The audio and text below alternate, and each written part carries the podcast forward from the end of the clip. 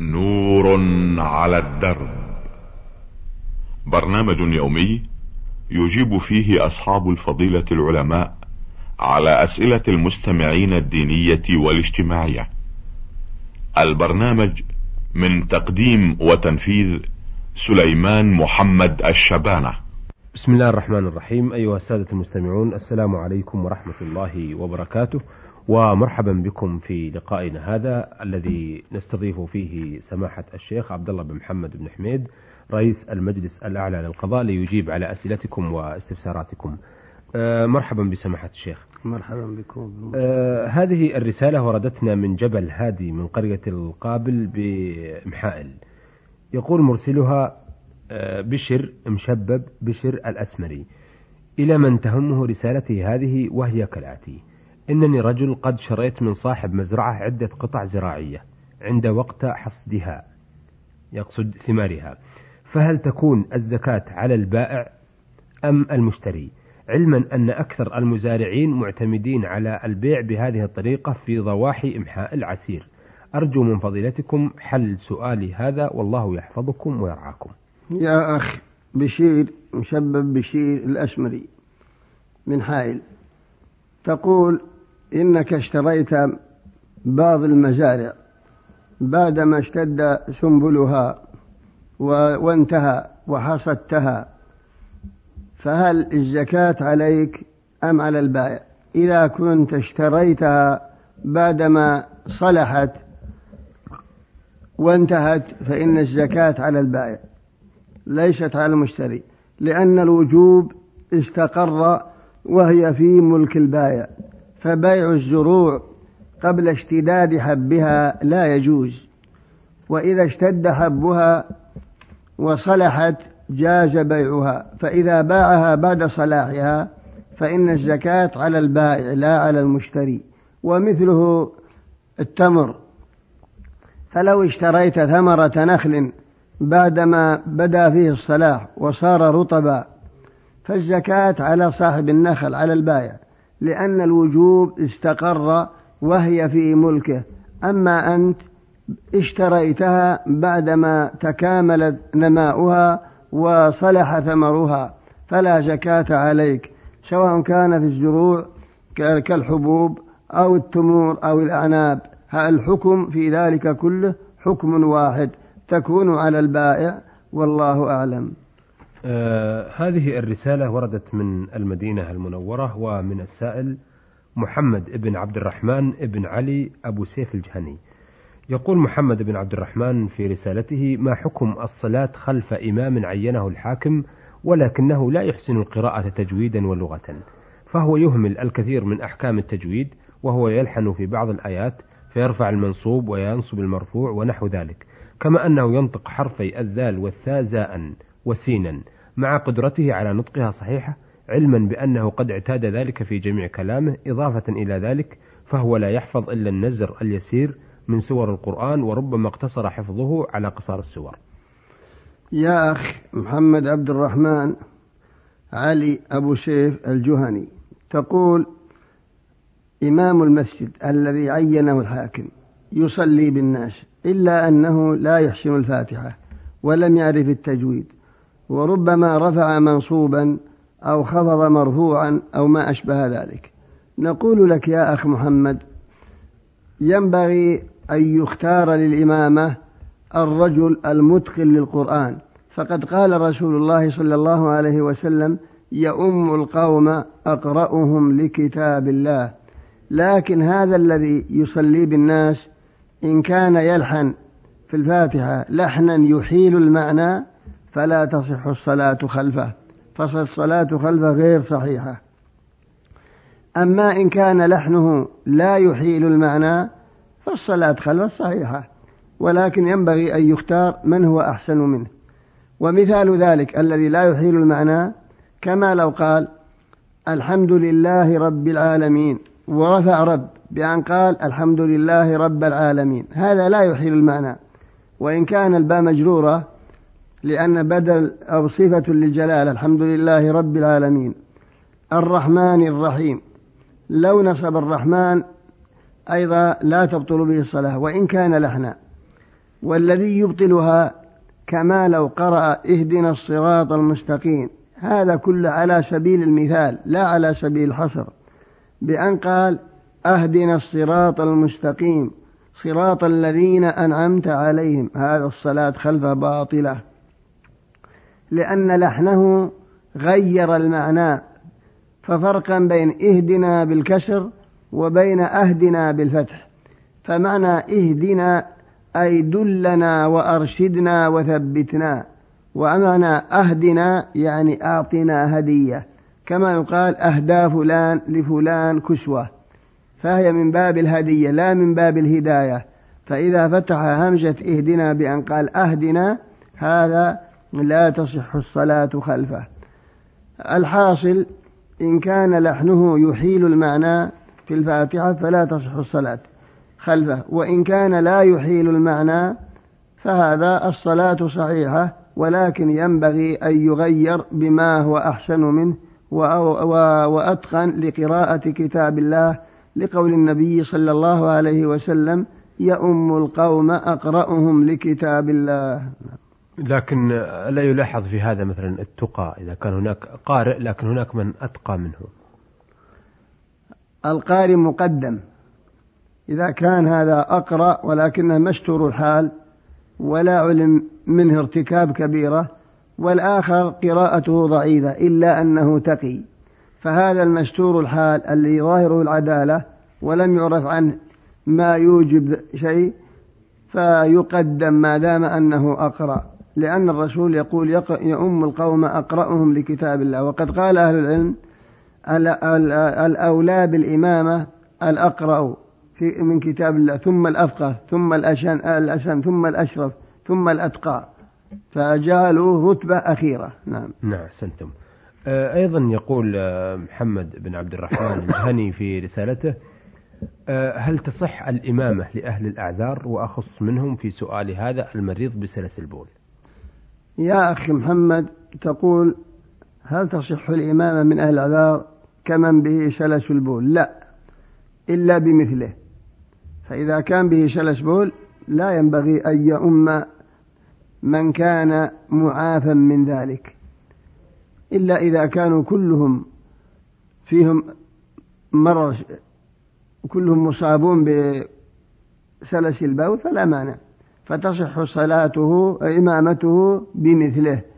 أما إذا كان به سلس بول وغيره لا فلا ينبغي أن يصلي بالناس لأن غيره أكمل طهارة وهو في الحقيقة لم يتوضأ لكن أصبحت طهارته ضرورية.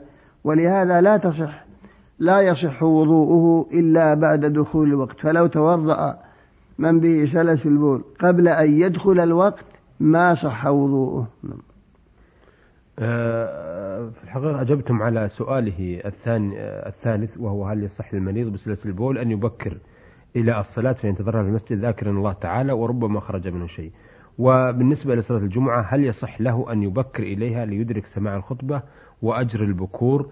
وهل تبطل صلاته إذا خرج منه شيء في أثناء جلوسه في المسجد؟ تقول إذا خرج منه شيء في أثناء المسجد نعم تبطل صلاته. يبطل وضوءه. لا شك. نعم. سواء كان به سلسبول أو غيره. ما دام أن به سلسبول هذا عليه أن يعصب أن يعصب ذكره مثلا بقطنه أو ما أشبه ذلك حتى لا ينتشر البول على ثيابه وعلى جسمه ويصلي حسب إمكانه. لكن لو خرج منه ريح أو غير ذلك انتقض وضوءه. لا بد من إعادته. لكن آه، هل يطالب بالبكور للصلاة الجمعة أو يأتي متى ما حضر الإمام؟ إذا كان إنه ينقطع في بعض الساعات فهو ينتظر. يعني يقول لو تأخرت ولم آت مبكرا يبش ذكره لأن عنده وقت ييبس فيه ذكره وينقطع عنه لمدة نصف ساعة أو لمدة ساعة. فهذا ينتظر حتى ينقطع عنه السلس ثم يحضر ولو فاته البكور. أما إذا كان بصفة مستمرة ولم ينقطع فينبغي أن يبكر لكن عليه أن يتحفظ حتى لا يلوث المسجد ولا يلوث ثيابه ولا جسمه بأن يعصبه بقطنة أو غير ذلك حتى لا تتعدى النجاسة فحرام عليه أن يعرض المسجد أو ثيابه للتلوث من نجاسة بما يخرج من ذكره من البول. أحسنتم. آه، أيضا يقول آه، محمد في رسالته هل تجب النية من الليل لصيام القضاء؟ تقول هل تجب النية من الليل لصيام القضاء؟ نعم لا بد أن ينوي ما دام أنه فرض ينوي من الليل. إنما الذي لا يشترط له نية من الليل هو صوم النفل. أما نية رمضان ونية القضاء لا بد أن ينوي. فلو قام آخر الليل ونوى قبل طلوع الفجر كفى. آه، سؤاله الأخير يقول هل تلزم الكفارة على من حلف بالله في حين غضب شديد على عمل شيء ما في وقت محدد ثم لم يعمله لعدم تمكنه من ذلك؟ وفقكم الله. تقول هل تلزم اليمين الكفارة من حلف في حالة غضب على أن يعمل هذا الشيء ولم يعمله؟ نعم. ما دام أنه حلف عاقل مختار وحنث في يمينه فالكفارة متعينة لأن الله يقول لا يؤاخذكم الله باللغو في أيمانكم ولكن يؤاخذكم بما عقدتم الأيمان. وهذا قد عقد يمينه ناوي وعازم على أن لا يفعل هذا الشيء أو, أو يريد أن يفعله. فكفارته إطعام عشرة مساكين من أوسط ما تطعمون أهليكم أو كسوتهم أو تحرير رقبة فمن لم يجد فصيام ثلاثة أيام. ذلك كفارة أيمانكم إذا حلفتم واحفظوا أيمانكم. آه هذه الرسالة وردتنا من مكة المكرمة من المسفلة يقول فيها مرسلها أخوكم عبد الله إبراهيم عبد الرحمن بخاري. بعد الثناء على أصحاب الفضيلة المجيبين على أسئلة السادة المستمعين يقول ما حكم عمل المولد النبوي الشريف؟ وما حكم الذي يحضره ويجلس مجالسهم؟ وهل أكل الطعام معهم حرام؟ وهل يعذب صاحب المولد في القبر إذا لم يتب من فعله؟ يا أخ عبد الله إبراهيم عبد الرحمن بخاري من مكة من المسفلة تقول ما حكم الاحتفال بمولد النبي صلى الله عليه وسلم؟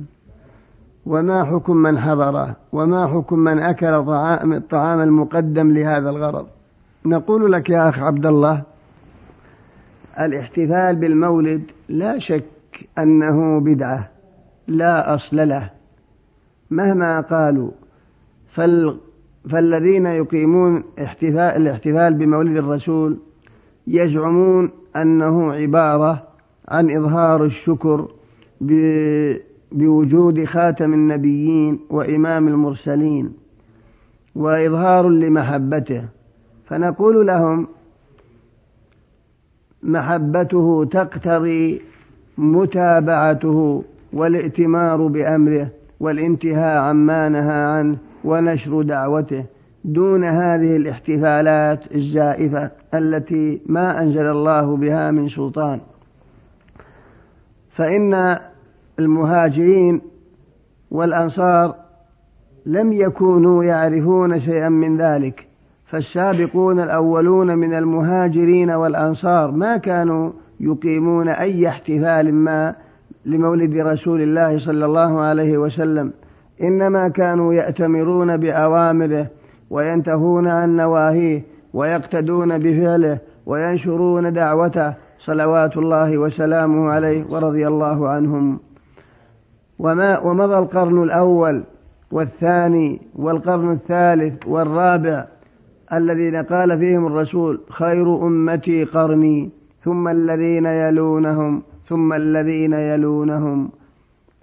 ما كانوا يعرفون احتفالا بمولد النبي صلى الله عليه وسلم أبدا. ولا أصل له في الشرع بل هو من البدع التي يجب على المسلم تركها والابتعاد عنها.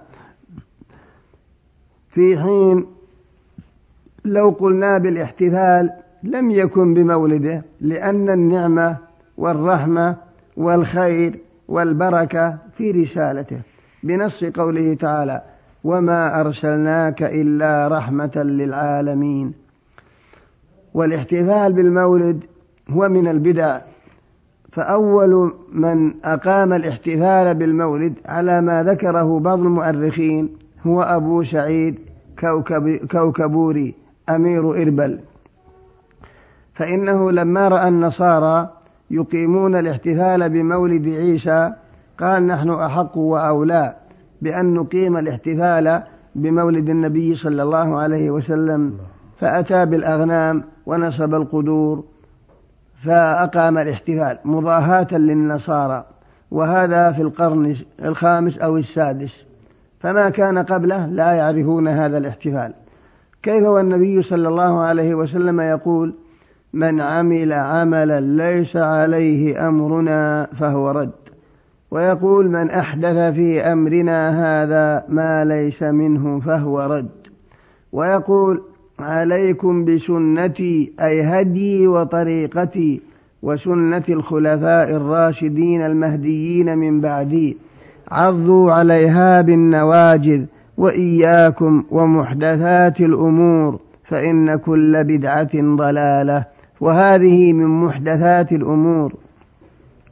ما دام أن خير هذه الأمة أبو بكر وعمر وعثمان وعلي والبقية العشرة المشهود لهم بالجنة والصحابة والتابعون ومن بعدهم ومن بعدهم ومن بعدهم لم يقيموا أي احتفال ما. حتى وفق له هؤلاء الخلوف فيرحم الله ابن مسعود رضي الله عنه لما رأى قوما كانوا مجتمعين. قال لهم يذكرون الله على طريقة مخصوصة لم يكونوا يعهدونها في زمن الرسول. قال لهم ابن مسعود يا هؤلاء لقد جئتم ببدعة ظلماء أو أنكم فقتم محمدا وأصحابه علما. فنحن نقول للمقيمين الاحتفال بمولد, بمولد الرسول نقول لهم يا هؤلاء لقد جئتم ببدعة ظلماء أو أنكم فقتم محمدا وأصحابه علما. أحد أمرين إما أنكم جئتمونا ببدعة ظلمة سوداء أو أنكم فقتم محمد وأصحابه علم. فعندكم من العلوم والمعرفة أكثر مما عند الرسول وما عند الصحابة وما عند التابعين كالإمام أبي حنيفة والأوزاعي والزهري ومن بعدهم كالإمام البخاري ومسلم وغيرهم. فالواجب على كل مسلم اتباع سنة رسول الله. فالله يقول اليوم أكملت لكم دينكم وأتممت عليكم نعمتي ورضيت لكم الإسلام دينا. فهل الدين ناقص حتى جاء هؤلاء وأكملوه بالاحتفال بمولد الرسول؟ هذا إذا قالوا إنه سنة وأنه فضيلة وأنه مأمور به. يكون الدين غير كامل حتى أكملوا بهذا الاحتفال. أو أن الدين كامل فلا حاجة إلى هذا لأن الله أكمل لنا الدين بقوله اليوم أكملت لكم دينكم وأتممت عليكم نعمتي. فما أحسن هدي رسول الله صلى الله عليه وسلم واتباع سنته وسنة أصحابه وفقنا الله وإياكم لما فيه صلاح ديننا ودنيانا ووفقنا جميعا لاتباع سنة سيد الخلق محمد صلى الله عليه وسلم. أحسنتم وفقكم الله.